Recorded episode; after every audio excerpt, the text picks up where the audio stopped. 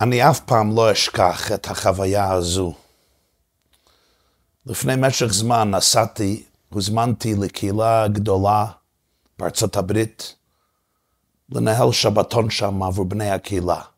בשבת בצהריים, בעת סעודה שלישית, הוזמנתי ליתן נאום הרצאה גדולה בפני כל הקהילה. העולם הגדול של בית הכנסת היה מלא בלי עין הרע, אנשים ונשים. והנושא היה תקשורת בין הורים לילדים בתקופתנו זו. ואחד מהנושאים שהשתדלתי להביע, אחד, מהרי... אחד מהרעיונות המרכזיים שרציתי ל... להסביר לקהל זה, שבפרט בתקופתנו זו, אסור שיהיה ניתוק רגשי או פיזי בין הורים וילדים וילדות. אפילו כשהילדים או הנערים או הנערות מאכזבים בצורה כואבת את ההורים. אדרבה, אז צריכים לתקשר איתם ולהתקשר איתם וליצור דבקות וחיבה הרבה יותר עמוקה. והרחבתי על הנושא הזה עם כמה וכמה פרטים וביורים והסברים והמחשות וכולי.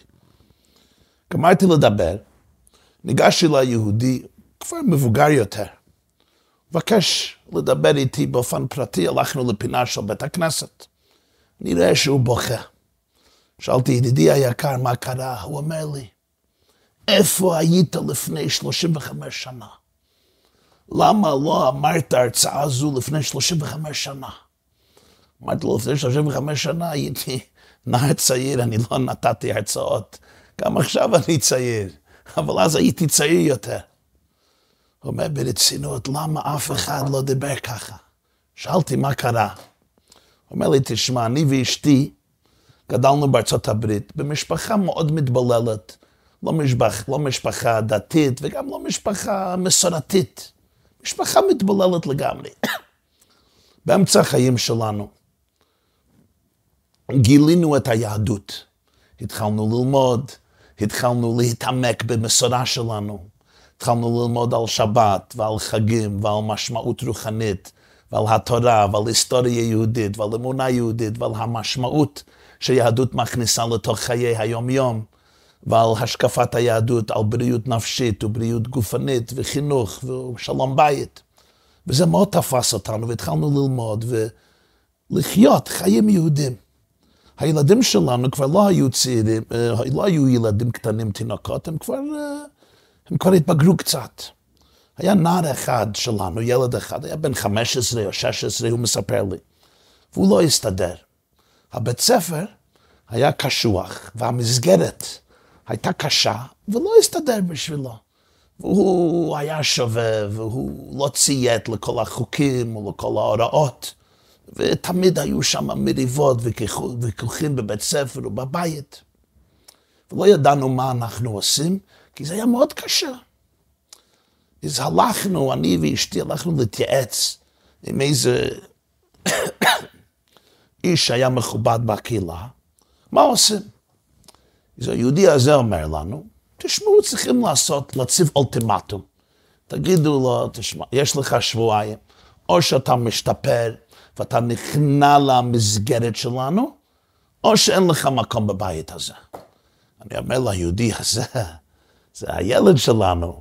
מה אם הוא לא יצא להסתד... מה אם הוא לא יצא להיכנע למסגרת? זה אומר, אל תדאג, זה סתם יהיה התראה, ודאי, ודאי, מה, הוא לא רוצה בית, הוא לא רוצה משפחה, הוא לא רוצה גג. הוא, זה, זה יסתדר. אני אומר, מה זה אם זה לא יסתדר? הוא ילד, אה, יש לו, יש לו רגשים משלו, יש לו אישיות, הוא לא ככה... יש חילוק בין ארז וקנה, הוא ארז. אז היהודי הזה אומר לי, בסדר, מה יהיה?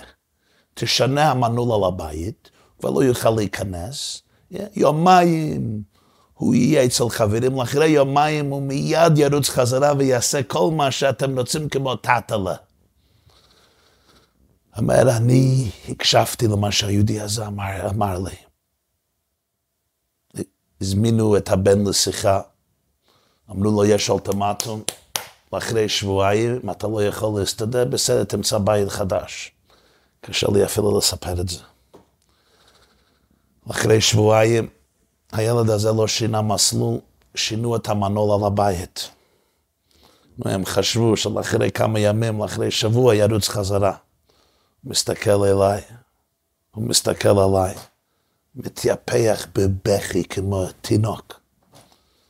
אבל אומר לי, כבוד הרב, שלושים שנה לא ראיתי את הבן שלי. שלושים שנה לא קיבלתי טלפון מהבן שלי. שלושים שנה אימא לא דיברה עם הבן שלנו. הוא עזב הבית ואף פעם לא חזר, ולא מתקשר בטלפון. אני יכול לבכות כשאני מספר את זה. ואחר כך הוא אומר לי, רבי וואי וואי, רבי ג'ייקובסון, לפני כמה שנים שמעתי, ככה, באופן זה, באופן זה השמוע הגיע לידי, שהוא התחתן. הבן שלנו התחתן עם, לא, עם אישה לא יהודייה. כבר יש להם ילדים, הילדים הם לא יהודים כי אימא לא יהודייה. ודבר עוד, אני אומר, יש עוד דבר אני רוצה להגיד לך. כבר שלושים שנה מאותו לילה שהוא עזב את הבית, יותר משלושים שנה שאני לא יכול לישון לילה שלמה. פשוט המיטה לא עריבה. אני מתעורר ומתעורר ומתעורר. שלושים שנה כבר לא הייתה לי לילה אחת של מנוחה. אני לא יכול למחול לעצמי מה שעשיתי. לכן אני אשאל אותך, למה לא מסרת ההרצאה הזו לפני 35 שנה? וואו. ואז למדתי דבר גדול. הכאב של ילדים המאכזבים את הוריהם, קשה מאוד. קשה מאוד להורים לראות את זה. אבל תאמינו לי, זה לא מגיע קרוב להכאב שנגרם מהתנתקות מהילדים שלך. ופה אנחנו רוצים להיתפס במשהו לכאורה זער, משהו קטן מאוד בפרשת ויצא. אבל כמו כל דבר בתורה, אין דברים קטנים. בכל נקודה ונקודה משתקפת עצמיות היהדות. זה כמו ב-DNA, כל נקודה מהגוף, אפילו שערות. יש שם ה-DNA, עצמיות של כל הגוף. כך בתורה, כל פרט ופרט משקף כל הסיפור. בסוף פרשת תולדות, יצחק אבינו מזמין את בנו יעקב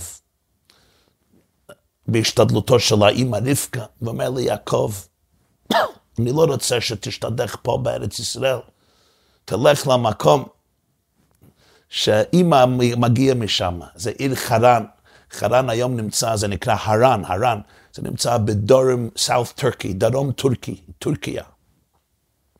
תלך לחרן, תלך לדוד שלך, לאח של אימא, שמו לבן, ללבן היו שתי בנות, לאה ורחל, ושם תמצא שידוך תבנה בית.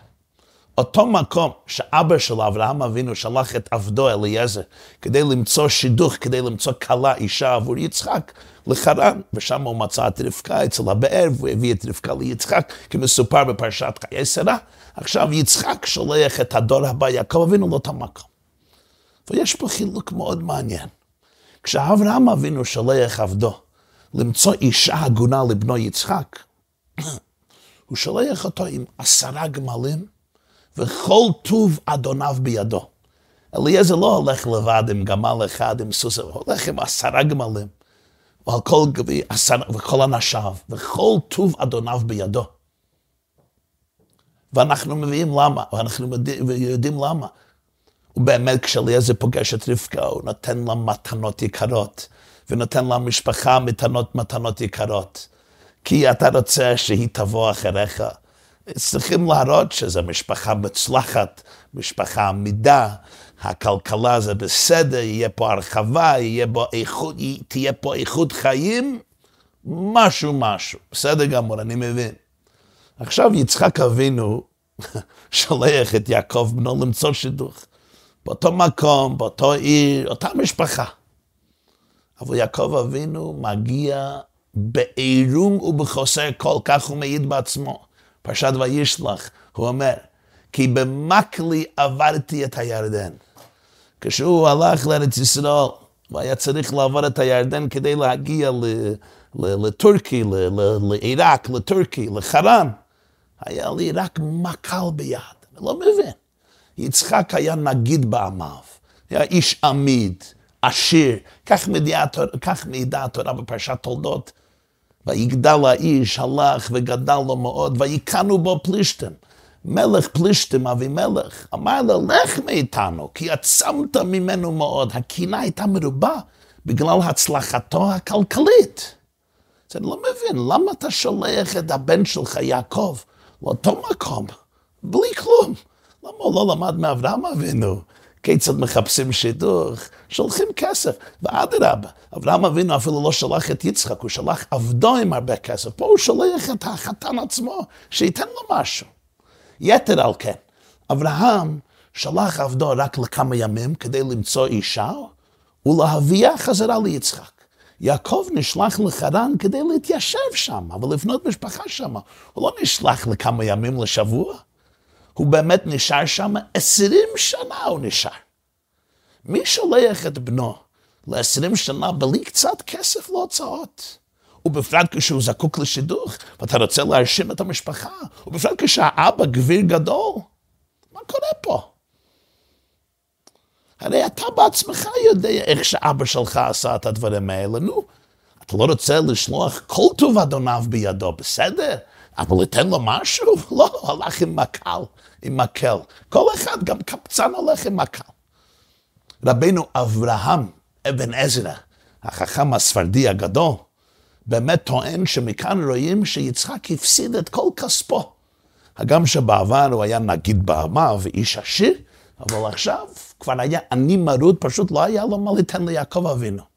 אבל חכמינו זכרם לברכה, ורש"י, פרשן הגדול של התנ"ך, רבינו שלמה יצחקי, מצטט את זה, דרך אחרת יש להם בכל הסיפור הזה. ואני אצטט את דברי רש"י בפרשת ויצא, ספר בראשית, פרק כ"ט, פסוק י"א. רש"י מצטט את זה מהמדרש. יעקב אבינו מגיע לחרן, הוא הולך להבאר, הוא נפגש עם אנשי חרן, ועכשיו הוא פוגש את רחל, בתו הצעירה של רחל, בתו הצעירה של לבן, שהוא אחי רבקה, הדוד של יעקב אבינו. והתורה אומרת, וישק יעקב לרחל, ויישא את קולו ויפק. אבל לא ברור למה יעקב אבינו בוכה בעת פגישה ראשונה עם רחל, בת לבן. אז רש"י מביא בפירוש שני סיפור מרתק מאוד שהחכמים מספרים לנו. מה הסיפור? אז אני מצטט דברי רש"י. למה הוא בכה? לפי שבא בידיים ריקניות. אמר, יעקב אבינו אומר, אליעזר, עבד אבי אבא, היו בידיו נזמים, צמידים, מגדנות, ואני אין בידי כלום. הוא בכה, הוא בכה על הנסיבות. בשבילו זה היה משהו מאוד uh, מביש. הוא הרגיש מסכן, הוא הרגיש שזה לא ראוי. אליעזר היה העבד. של סבא, אבי אבא אברהם אבינו, היה לו אליעזר עבד אברהם. כשהוא הגיע, נזמים, צמידים, מגדנות, והוא העניק את הכל לרבקה. והוא השפיע עליו, היא גם רצתה ללך אחריו, להינשא ליצחק, ואני, אין בידי כלום. אז הוא בכה. זה היה אמוציונלי בשבילו, זה היה קשה בשבילו. עכשיו השאלה, למה באמת? אומר רש"י, לפי שרדף אליפז בן עשיו במצוות, סליחה, הקול שלי צרוד. לפי שרדף אליפז בן עשיו במצוות אביו אחריו להורגו. עשיו ציווה לבנו אליפז שהוא ירדוף אחרי יעקב שברח מארץ ישראל, ברח מבאר שבע, לחרן, מארץ, מארץ כנען לטורקיה, תלך, תשיג את הדוד יעקב ותהרוג אותו. הרי אנחנו זוכרים שעשו רוצה להרוג את יעקב בגלל שהוא לקח את הברכות שלו. ולפי, ממשיך רש"י, נו, אז מה קרה? ולפי שגדל אליפז בחיקו של יצחק, משך ידו. אליפז לא היה מסוגל לרצוח את יעקב, כי הוא גדל בחיקו של יצחק, הוא היה הנכד של יצחק, הבן של עשיו, הוא לא היה מסוגל לשחוט את uh, הדוד שלו. אמר לו, אליפז אומר ליעקב, כשהוא תופס אותו בדרך לבית לבן בחרן, מה אעשה לציווי של אבא? היי, hey, אבא אמר לי להרוג אותך. ואנחנו יודעים שבמשפחת עשיו, כיבוד אב זה משהו מאוד חשוב. עשיו באמת כיבד את אבא שלו בצורה נפלאה. חכמינו ז"ל אומרים שרב שמעון גמליאל אומר, אני יודע מה זה כיבוד אב, אבל אני לא מגיע לקרסוליים של עשיו, איך שהוא קיים מצוות כיבוד אב. נו, אם אבא שלי ציווה עליי להרוג אותך, מה אני יכול לעשות? אמר לו יעקב, טול מה שבידי, ואני חשוב כמת. הגמרא אומרת במסכת נדרים, אני, מי שאין לו כלום, הוא חשוב כמת.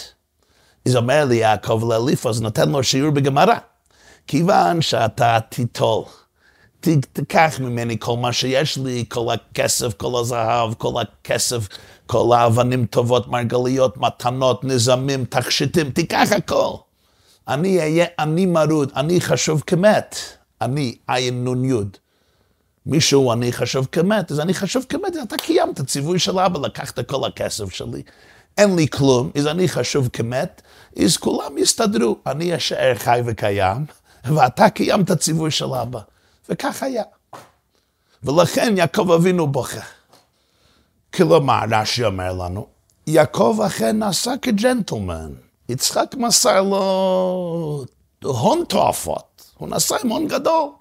אבל אליפז לקח הכל, ולכן יעקב אבינו נשאר בעירום ובחוסר כל, ובאמת, כשהגיע לירדן, כי במקלי עברתי את הירדן.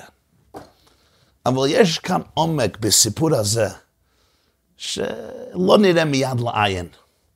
והרעיון הנפלא הזה, שאני אגיד בעזר השם, נמסר על ידי המגד המפורסם, הוא למד בנוורדק, בליטא, היה, הוא גלה לסיביר, מגיד בבני ברק, רב ינקלה גלינסקי. והוא סיפר, הוא, הוא, הוא, הוא, הוא, הוא מסר את זה, מה ששמע את זה, מהסטייפלר גאון. הסטייפלר היה אחד מגאוני הדור הקודם, מהמנהיגים המפורסמים בציבור הליטאי. מוצאו, מוצאו הייתה מאוקראינה. זה הגאון רבי יעקב ישראל קניאבסקי, המכונה הסטייפלר. הוא מחבר סדרת הספרים קהילות יעקב על הגמרא, על התלמוד. הסטייפלר, הרב קניבסקי, אבא של הגאון רב חיים קניבסקי, נולד בעיירה באוקראינה, הורנסטייפל, הורנסטייפל, ולכן ידוע בשם הסטייפלר, סטייפלר כי הוא הגיע, הוא נולד בהורנסטייפל. אבא שלו, רב חיים פרץ, היה יהודי חסידי, תלמידו וחסיד של מנהיג חסידים מפורסם באוקראינה, רבי מרדכי דוב מהורנסטייפל. הוא היה מנהיג מפורסם באוקראינה. הוא מילא את מקומו של סבו, רבי יעקב ישראל מצ'רקס. צ'רקס זה גם עיירה באוקראינה. רבי יעקב ישראל מצ'רקס היה בנו של המגיד מצ'רנובל, רב מוטלה. הרב הצדיק רבי מרדכי טברסקי, הוא ידוע בשם רב מוטלה צ'רנובל, המגיד מצ'רנובל. הבן שלו היה רבי יעקב ישראל מצ'רקס, והוא היה גם חתנו של אדמו"ר האמצעי, זה האדמו"ר השני לבית חב"ד, רבינו דויב בר, בנו של בעל התניא, רבי שני זלמן, מייסד חסידות חב"ד. אז רבי יעקב ישראל מצ'רקס נישא לבתו של האדמו"ר האמצעי מחב"ד. והאבא של הסטייפלר היה חסיד של רב מרדכי דוב מהורנסטייפל, שמילא את מקומו, היה נכדו של רב יעקב ישראל מצ'רקס.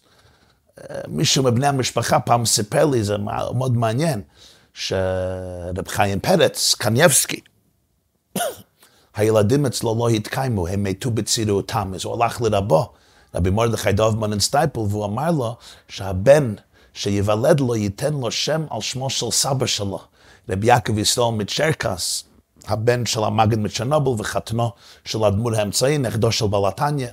והוא באמת, כשהוא נולד, נתן לו את השם יעקב ישראל. הוא יעקב ישראל קנבסקי, זה על שם רבי יעקב ישראל מצ'רקס, והוא נודע בשם הסטייפלער גאון. הוא היה, הוא היה גאון גדול, תלמיד חכם גדול, נפטר בתשמ"ה, 1985, 85 בקיץ, ובנו רב חיים קניאבסקי נפטר uh, בשנה שעברה. רבי ינקלה גלינסקי שמע את הרעיון הזה מהסטייפלר, ואני אני, אני אגיד את זה לכם קצת עם הסברה כפי שאני הבנתי את זה. מי הוא אליפז הזה? אנחנו לומדים פה שאליפז רץ אחרי יעקב, רצה להרוג אותו, ולפי שגדה בחיקו של יצחק, הוא מנע את ידיו ממנו, לקחת, מי אליפז הזה? התורה מספרת לנו על אליפז. אליפז היה בן עשיו, והיה אבא של עמלק. הוא סנדוויץ' בין עשיו ועמלק. אבא של עשיו מכונה בשם עשיו הרשע, לפי חז"ל הוא היה רוצח, מגלה עריות, צד נשים, מענה אותם תחת בעליהן. בנו עמלק הוא אחד משונאי ישראל הכי גדולים בהיסטוריה שלנו. עמלק היה גם הסבא רבא של המן הרשע. אגב, הגאון מווילנה כותב שעם הגרמני מוצאו מעמלק, והוא כתב את זה 150 שנה לפני השואה. כך שאפשר להבין בקל יותר את המצווה, זכור את אשר עשה לך עמלק, אל תשכח. אז אפשר לשער שאליפז לא היה צדיק הדור, בלשון המעטה. יתר על כן, כשלומדים את הסיפור בתורה, בפרשת וישלח, יש פרשה שלמה על המשפחה של עשו. כל הבנים של עשו, כל המשפחות, אלופי עשו. רואים שמה, כפי שרש"י מפרש את זה בסוף פרשת וישלח, מהגמרא במסכת סנהדרין, שאליפז, הוא לא רק היה בן של עשו, אבא של המולק, הוא קיים יחסים פיזיים עם אשתו של אבא. אבא שלו היה עשו, הוא קיים יחסים עם אשתו של אבא, ומהיחסים האלה לא מוסרים, נולד בן, שמו היה קורח. אם זה לא מספיק, הוא גם, היו לו יחסים עם אישה נשואה לאיש אחר שעיר, ומהיחסים האלה נולדה בת, שמה היה תמנה. וכשהיא גדלה, הלך אליפז ובחר בתמנה בתור פילגש עבורו. כלומר, הוא נכנס לנישואין עם בת שלו. הוא לקח אישה שנשואה לאיש אחר, שעיר, מהיחסים שלהם נולדה בת תמנה, אליפז הוא אבא של תמנה, ואחר כך תמנה הייתה פילגש לאליפז בן עשב. ומהשידוך הזה בין אליפז ותמנה נולד עמלק. עמלק היה בן של אליפז, ואימא שלו הייתה תמנה. אז רק מהסיפורים האלה אנחנו לומדים קצת על האופי וההתנהגות המתועבת של אליפז. וכאן אומר לנו רש"י, מחכמינו זיכרונם לברכה, שאליפז גדל בחיקו של יצחק.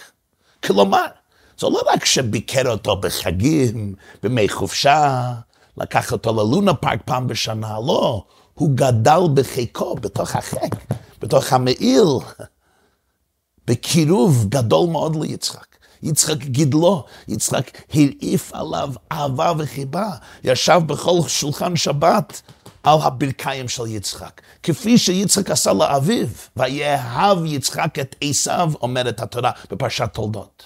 נו, אני יכול לתאר שגם בתור נער וגם בתור קטן, אליפז לא היה ממש ילד טוב ירושלים, שקיבל פרס ישראל על התנהגות מוסרית בצורה נפלאה. בפרט בהתחשב מי היה אבא שלו, מי היה אימא שלו. על הנשים של עשב כתוב, ותהיינה מורת רוח ליצחק ולרבקה. יצחק בוודאי, היה לו איזה הרגש מי הנכד שלו. האצבע שלו בוודאי היה על הדופק של נכד שלו. בפרט שיצחק היה נביא, התורה מעידה שהוא היה נביא, הוא לא סתם היה יהודי נאיבי, שלא ידע בין ימינו לשמאלו חלילה וחס. בוודאי הרגיש מה קורה בתוך הלב של הנער הזה. ולא מדובר רק על שהוא מתנהג לא יפה, אלא הנהגה שבסופו של דבר הייתה הנהגה מתועבת. מושחתת, שאפילו אצל בני נוח זה הנהגה לא מוסרית. זה הנהגה שהיא הפך שבע מצוות בני נוח. ובכל זה, לא רק שיצחק לא ריחק את הילד הזה, לא רק שהוא לא זרק אותו מהבית, אלא הוא גדל בחיקו, הוא השקיע בו כוחות, הוא הקיפו עם אהבה. וזה פלא יצחק בפרט, בפרט שיצחק מסמל בספרי המחשבה, בספרי הקבלה, יצחק מסמל מידת הידע. כך כתוב בחומש, פחד יצחק. יצחק היה, הוא גילם יראת השם. הוא היה, הוא נחשב כמו עולה תמימה, בגלל שהוא היה מוכן למסור את עצמו בעקידת יצחק. אז יהודי כזה, שחדור עם, עם, עם יראת השם, הוא צריך להתרחק כליל מאיש, מילד ואיש כזה כמו אליפז, אבל הוא השאיר אותו קרוב מאוד.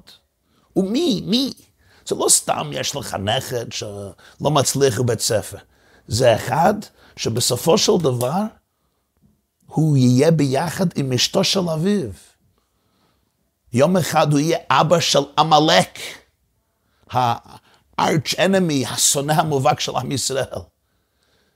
אחד שייכנס לנישואין עם הבת שלו, עם הבת אבא, ייכנס לנישואין עם בת, היא תהיה פילגה שלו. פליז, יש גבולות, רבותיי, יש גבולות. אני, אני, אני יכול לקרב מישהו שיש לו איזה מגבלות, אבל הוא גודל בחיקו של יצחק. נו, יש כאלה שיגידו, יצחק לא הכיר מי הוא, אבל אפילו עשב יצחק הכיר מי הוא. כתוב בפירוש שיצחק מאוד כאב לו הניסויים של עשב עם הנשים שלו. רש"י עצמו כותב שיצחק גדל על עשב שאין שם שמיים שגור בפיו. כל אבא יודע הבן שלו, כל אבא. אפילו אם אתה קצת נאיבי, אבל אתה בן אדם נורמלי, אתה יודע מה קורה אצל הבן שלך, חוץ אם אתה ממש גר בעננים. יצחק היה אחד מהאבות. אבות אינם הרכבה, הוא ידע מי זה עשב, הוא ידע מי זה אליפז, הוא ידע מה שקורה בליבותיהם, הוא גם היה נביא. אלא מאי, יצחק האמין שלא מתנתקים לא מבן ולא מבת ולא מנכד ולא מנכדה. בגמרא במסכת קידוש, דף ל"ו, יש מחלוקת מעניינת, מעניינת, כתוב בפרשת ראי, בנים אתם להשם אלוקיכם. אומר רבי יהודה, כשאתם נוהגים כמו בנים, אתם בנים, כשאתם לא נוהגים כמו בנים, אתם לא בנים. רבי מאיר אומר, בין כך ובין כך אתם קרויים בנים. אין דבר כזה. בן נשאר בן, בת נשאר בת. לפי יצחק הלכה כרב באמת ההלכה היהודית פסקה כרב מאיר, לא כרב יהודה. אפילו יהודי שעזב לגמרי נחשב יהודי, אבל בשביל חטא ישראל, כפי שדיברנו בשיעור בפרשת לך לך, דברי המהר"ל המפורסמים. אהבה ללא תנאים אין פירוש שאין כאב ואין אכזבה ושיש הסכמה לכל ההתנהגות, אבל פירוש הדברים שאהבה לא נפסקת. יצחק לא זורק עשב מהבית ולא זורק אליפז מהבית, אדרבה, אליפז גדל בחיקו של יצחק. בסדר, אז עכשיו תגידו לי, אוקיי, הוא השתדל, יצחק היה איש טוב, אבא טוב, סבא טוב, הוא רצה, אבל זה היה בזבוז זמן, בזבוז כוחות, אני, אנחנו יודעים שזה לא הצליח. הכל היה להבל ולריק. כל העבודה הייתה השקעה בלי שום תוצאות, בלי שום results. יצחק השתדל, גדל בחיקו, אולי רצה להחזיר לו בתשובה, להחזיר לו בתשובה, אולי רצה שישפר את דרכיו, אבל שום דבר לא יצא מזה. זה היה סתם בזבוז זיעה וכוחות של יצחק. אמר הסטייפלר, הסטייפלער גאון, רבי יעקב ישראל קנבסקי, אומר לרבי יענקל'ה גליל, רבי יענקל'ה גלינסקי, תסתכלו שוב, תסתכלו שוב. האם יצחק בזבוז בזבז את הכוחות שלו לשווא. בזכות זה שהוא גדל בחיקו של יצחק, מה אומר רש"י? בואו נצטט רש"י שוב. בגלל זה משך ידו. הוא לא היה מסוגל לרצוח את הדוד יעקב. למה? בגלל שגדל בחיקו של יצחק. יעקב היה לבד, בלי הגנה. כנראה שאליפז היה מסוגל להרוג אותו, גם שיעקב היה גיבור. אבל אליפז ירגש, אני לא יכול להרוג את הבן אדם הזה. הגם שאבא שלי אומר לי להרוג אותו. ואנחנו יודעים, אבא אומר, אבא אומר, Godfather says, צריכים לעשות את זה. הוא לא יכול. בוא נשאר עכשיו, נחשוב לרגע מה היה קורה. אם הוא כן היה הורג יעקב. הרי יעקב היה לפני הנישואין. אז יעקב אבינו לא היה מעמיד משפחה. אז לאחרי פטירת יצחק אבינו ורבקה, עשב לא ממשיך השושלת של אברהם ויצחק. אז אם יעקב היה נהרג בדרך לבית לבן, לא היה עתיד לכלל ישראל. כל כלל ישראל היה נכחד באותו רגע. אם הוא היה רוצח את יעקב, היה משמיד את כל העתיד של עם ישראל, העם היהודי לא היה בכלל מגיע לאור עולם. אז האם באמת יעקב השקיע כל הכוחות באליפז לשוב? אהבתו העצומה, הקירוב של יצחק כלפי אליפז הציל לא רק את יעקב אבינו, זה גם, אלא כל העם היהודי לדורותיו חב את קיומו לאהבה ותקשורת והתקשרות ודבקות זו בין יצחק ונכדו אליפז. לפי שאליפז גדל בחיקו של יצחק. נכון, אליפז לא גדל להיות צדיק הדור, רבן של כל בני הגולה, ראש ישיבה מפורסם, מנהיג, גד, מנהיג יהודי גדול, אפילו לא יהודי כשר וישר. אבל בזכות הדבקות הזו ניצל עם ישראל כולו, ואנחנו כולנו קיימים היום הזה, עם ישראל חי בגלל זה. בקל היה יצחק יכול לרחק את אליפז ולהגיד לו, אין לך חלק באלוקי ישראל ובעם ישראל, אז לא היה ישראל, אבל אין לך חלק באלוקי אברהם, באלוקי יצחק, בעם יצחק. וודאי הקירוב עם אליפז, ודאי היה שם המון כאב, כמו שנשותיו של עשיו גרמו המון כאב ומורת רוח ליצחק ולרבקה, כפי שהתורה אומרת. אליפז לגדול בחיקו של יצחק, יצחק איש האמונה, יצחק איש האלוקים, יצחק אחד מהאבות שמסר את נפשו עבור המוסר והאתיקה היהודית של התורה.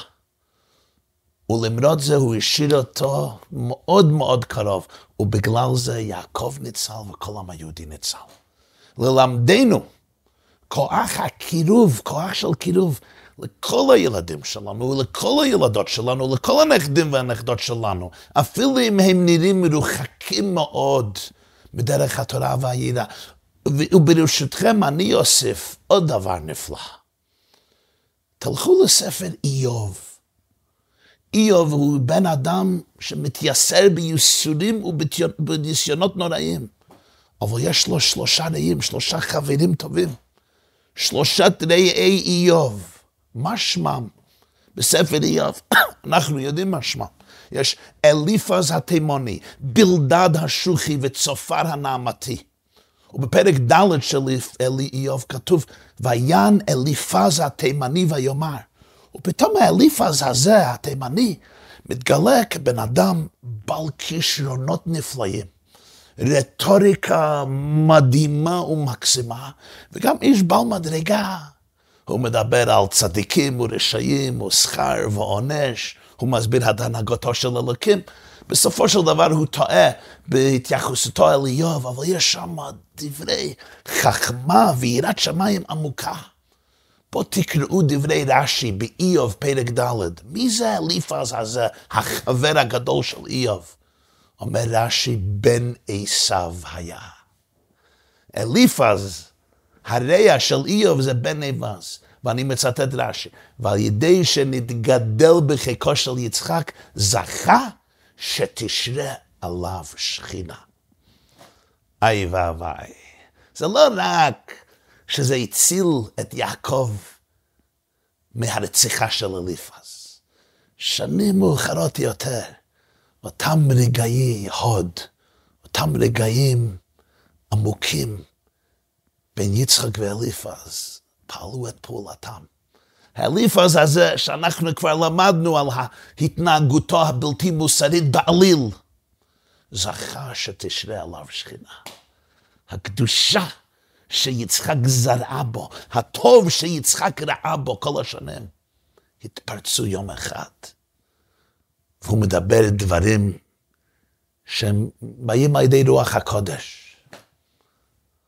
מה אנחנו למדים מזה? ידידיי היקרים, מה אנחנו למדים מזה? אם יצחק השאיר את אליפז על חיקו, ואליפז לא התייחס בכלל לעם היהודי, אמא שלו לא הייתה יהודייה. ובכל זאת השקיע בו כל כך הרבה. ותראו התוצאות הנוראות והנפלאות והנשגבות.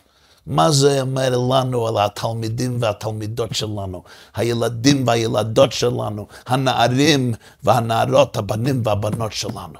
הרי כל שכן וקל וחומר, בן בנו של קל וחומר, שאסור להתנתק מהם בשום פנים ואופן.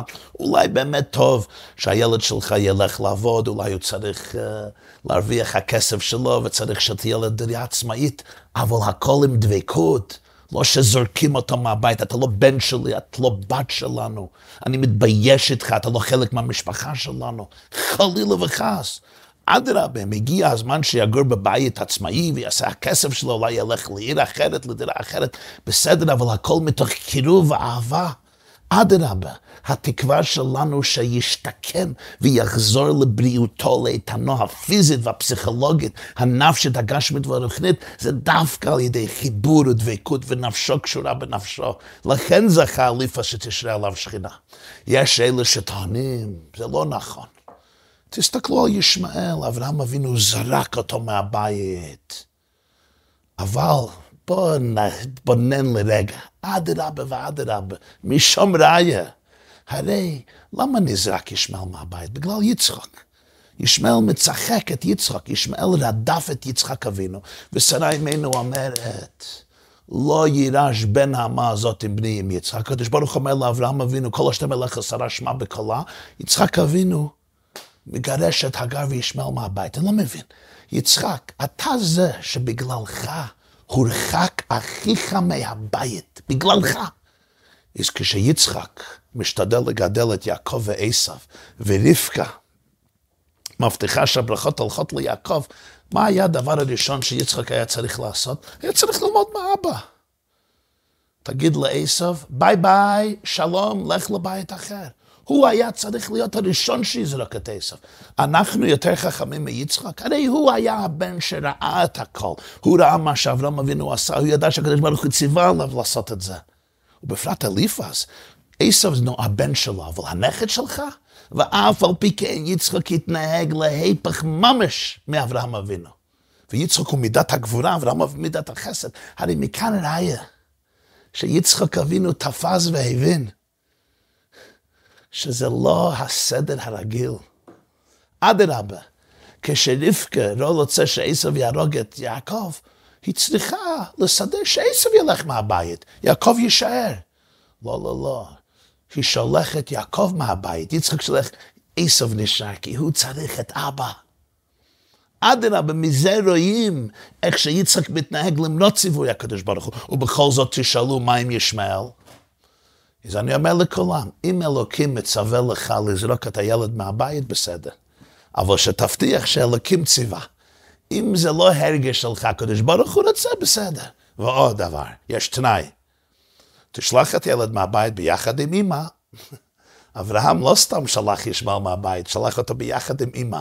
תשלח את הילד שלך ביחד עם אמא שלו, כמו שהיה אז. ועוד דבר, דבר נקוד, נקודה שלישית. כתוב בפרקי דרבי אליעזר שאברהם אבינו היה הולך לבקר את ישמעאל. אני לא מבין. הקדוש ברוך הוא אמר לך לרחק אותו מהבית. אתה יותר דתי מאלוקים? אתה יותר אוהב מאלוקים? מה פתאום? אלוקים רוצה שתתנתק מאיתו, שילך. אברהם אבינו הולך לבקר את ישמעאל, אפילו כשאלוקים מצווה לו לשלוח את ישמעאל מהבית. אבא לא מתנתק. ולא עוד, כתוב במדרש, ורש"י מצטט את זה, ישמעאל עשה תשובה. כשאברהם אבינו נפטר, ויקברו אותו יצחק וישמעאל, ישמעאל נתן ליצחק ללך לפניו, הוא עשה תשובה. הביקורים של אברהם אבינו פעלו את פעולתם. ועוד נקודה רביעית, כל זה היה לפני מתן תורה. ישמעאל לא היה נחשב יהודי, אמא שלו הייתה הגר. איך אומר הקדוש ברוך הוא לאברהם? כי ביצחק יקרא לך זרע. אברהם, עם היהודי, זה שושלת של יצחק, לא ישמעאל. עכשיו, לאחרי מתן תורה, כשאומרים בתפילה, אתה וחרתנו מכל העמים, אהבת אותנו ורצית בנו ורוממתנו מכל הלשונות, וזה נאמר על כל יהודי שהוא נבחר על ידי הקדוש ברוך הוא, להיות עם סגולה. ואתם תהיו לי לעם, בנים אתם לשם אלוקיכם, אהבתי אתכם, אמר השם. כל יהודי, התורה אומרת, הוא חלק מממלכת כהנים וגוי קדוש. על כל נשמה יהודית נאמר, ש... נאמר, שהיא, חלק, נאמר שהיא חלק אלוקה ממעל ממש, ולא יידח ממנו נידח. בוודאי ובוודאי שצריך לקרב כל נער, כל נערה, כל אברך, כל בחור, כל ילד וכל ילדה, ובפרט שברוב הפעמים ככולם הניתוק שלהם, הרוחני, זה בגלל כאב, זה בגלל בדידות נפשית, זה בגלל שלא מרגישים שיש מישהו שהם יכולים לתת אימון בהם, זה בגלל התעללות, או זה בגלל טראומה, או דברים אחרים, כאב, ולכן הקירוב הנפשי זה מה שישקם אותם. אחיי ואחותיי היקרים, הלקח מאוד ברור. לעולם אל תאפשר לניכור להשתרש במשפחתך, חלילה וחס. כל ילד וכל נכד וכל נכדה וכל ילדה נשארים על הברכיים, גם אם הם מאתגרים מאוד. אל תוותרו על הקשר, אל תוותרו על האהבה. אף פעם לא תדעו התוצאות הנפלאות ביחס לילד הזה וגם ביחס לכל העולם. למגינת ליבנו, יש כאלה שלפעמים בכלל בגלל חילוקי דעות או השקפות שונות, מרחקים את עצמם מילדיהם, מאחיהם, מאחיותיהם, מאבא ואימא. קשה להגדיר במילים כמה זה כואב. כמה אי חוכמה יש בהנהגה הזו. תאמינו לי, כמו האבא ההוא שהתחלתי לספר עליו בהתחלת השיעור. ב-20-30 שנה תסתכלו על עצמכם, ולא תמחלו לעצמכם כל חייכם. על הניתוק הזה בין אבא ואימא לבן או בת, נכד או נכדה, אבא ואימא, אח, אחות, בני דודים, קרובי משפחה. תאמין לי, כשאני אומר לך, הילד שלך לא גרוע מעשו. ולא גרוע מאליפז. אל תיתן לשטיפת מוח לאלץ אותך לחתוך לב חי מתוך הגוף שלך. אל תיתן לעצמך לתן כל כך כוח לפחד, שזה יגרום לך להחריב משפחה שגידלת בדם ובמסירות נפש ובחיבה. תודה רבה ושלום.